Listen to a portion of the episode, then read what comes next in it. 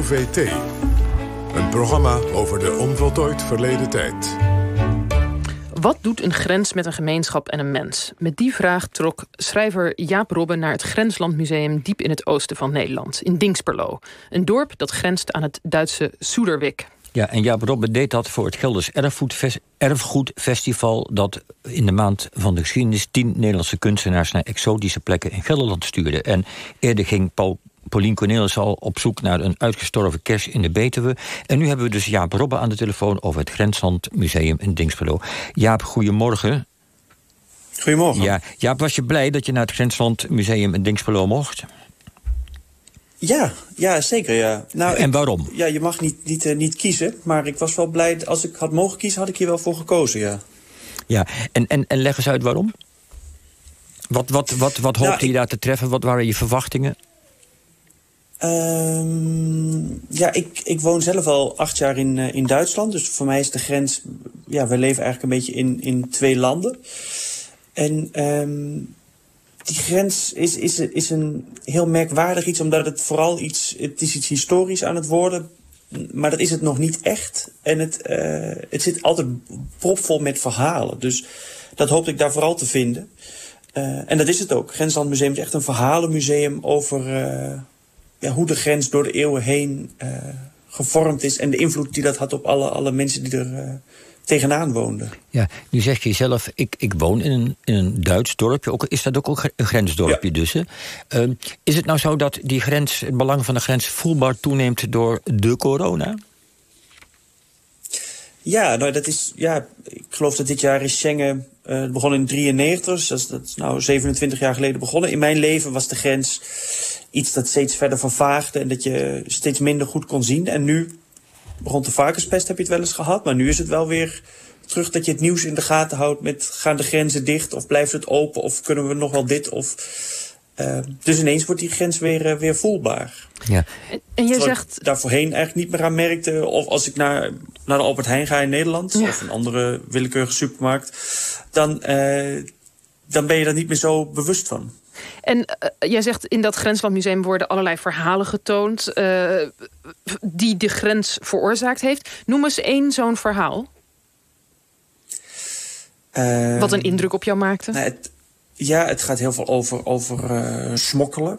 Uh, nou, wat, wat, ja, wat indruk maakt, een heleboel eigenlijk. Je hebt daar een kunstbeen staan met de eerste uh, cocaïne die gesmokkeld werd. Zo. Uh, ja, heel wonderlijk.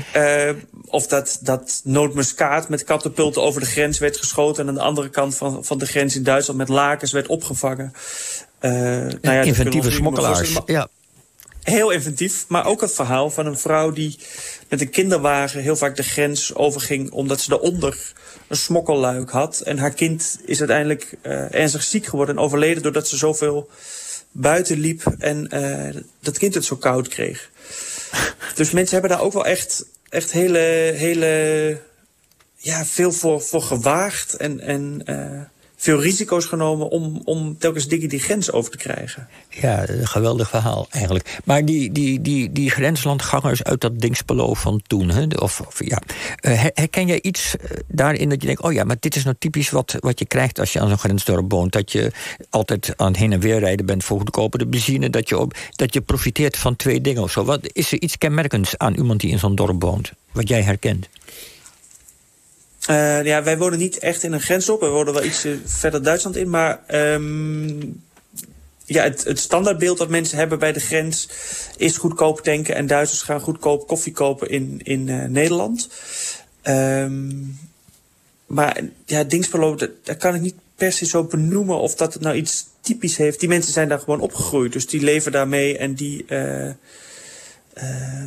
hebben dat generatie op generatie gewoon meegekregen. En die grens is gelukkig steeds uh, minder zichtbaar geworden. Dus voorheen stond er prikkeldraad midden op de weg. En nu is dat een geel kruisje dat eigenlijk nog aangeeft dat daar een onzichtbare attractie is. Maar voor de rest kun je het nergens aan zien. Ja, en uh, Jaap Robben, jij hebt daar dus een tijd doorgebracht. Je hebt uiteindelijk een verhaal geschreven... dat uh, losjes geïnspireerd is op die grenslandervaring in Dingsperlo. Um, wie dat ja. verhaal wil horen, lezen of zien, waar kan die terecht? Uh, op erfgoedfestival.nl, denk ik. Um, en het gaat vooral over... Ik, daar merkte ik vooral dat de geschiedenis... of dat, dat de grens is van, van geschiedenis en iets dat over is... en iets dat, dat we misschien over 50 jaar worden dat monumenten, die grensgebouwen. En nu zijn dat uh, vervallen, uh, overhoekerde gebouwtjes. En ik ben eigenlijk op zoek gegaan naar... hoe ervaren mensen nu de grens? En in het grensgebouw tussen Wieler en Beek-Upbergen... dat is tussen Nijmegen en Kleef... daar wonen mensen die gevlucht zijn uit Syrië en Iran... En hen ben ik gaan opzoeken van hoe ervaren zij de grens. Dus ze hebben hun leven moeten wagen om grenzen over te komen. En hoe is het voor hen om te leven op een grens? Ja. En uh, dat levert een heel ontroerend uh, inkijkje op. Goed, dus je hebt op, uiteindelijk toch nog uit, mensen uh, gevonden voor wie de grens nog wel uh, van betekenis is. Uh, en ik begreep dat we ja, volgende week in AD... Hard. Ja, uh, ik begreep dat volgende week in AD ook een stuk daarvan te lezen is. Dus blijf, kijk ja, daar vooral stuk ook AD Magazine staat het. Yes. Oké, okay, ja, Robbe, bedankt. OV